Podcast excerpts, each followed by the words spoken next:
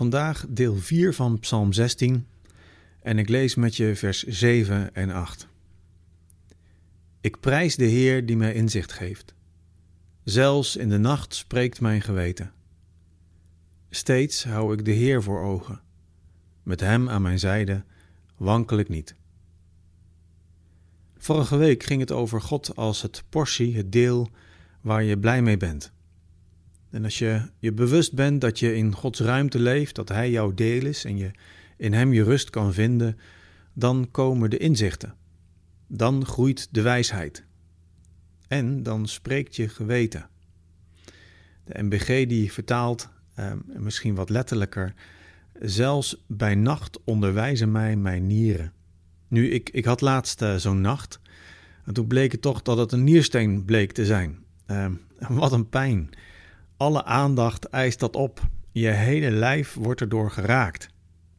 Zo'n preek van manieren hoef ik niet per se nog een keer.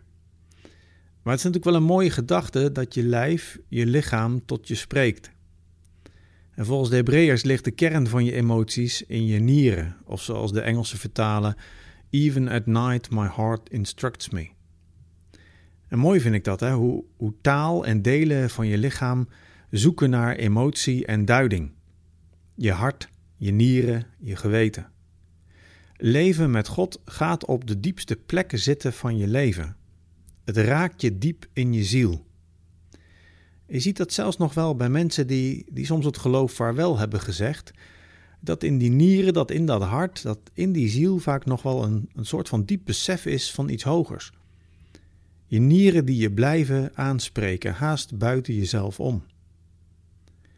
En daar zit ook een, een spiegelend stukje in. Ze spreken je aan. God werkt in ons denken, in ons voelen, beseffen, spreken, luisteren, onze gedachten, door ons lijf heen. Logisch ook dat de dichter dan zegt dat dat vooral s'nachts is. Zelfs in de nacht spreekt mijn geweten, zegt hij. Dat is logisch, want dan is het stil. Dat is natuurlijk de voorwaarde om het spreken op te merken. Als je echt wil luisteren, als je God wil horen spreken, moet je zelf stil worden. Vind ik overigens gruwelijk moeilijk.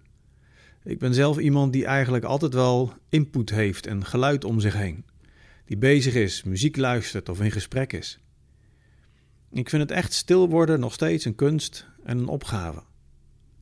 Maar het is wel noodzakelijk om te luisteren naar Gods stem. Een stem die klinkt in zijn woord, in de natuur, door een medemens, door een gebeurtenis en door mijn eigen nieren, mijn geweten, mijn gedachten. En ik zou jij willen uitdagen vandaag om, om even stil te zijn voor de stem van God, om zijn stem te verstaan. Omdat het je helpt om, zoals het volgende vers ook zegt, de Heer voor ogen te houden, op Hem gericht te blijven. En ik uh, wens je een, een mooi moment toe in stilte met Hem.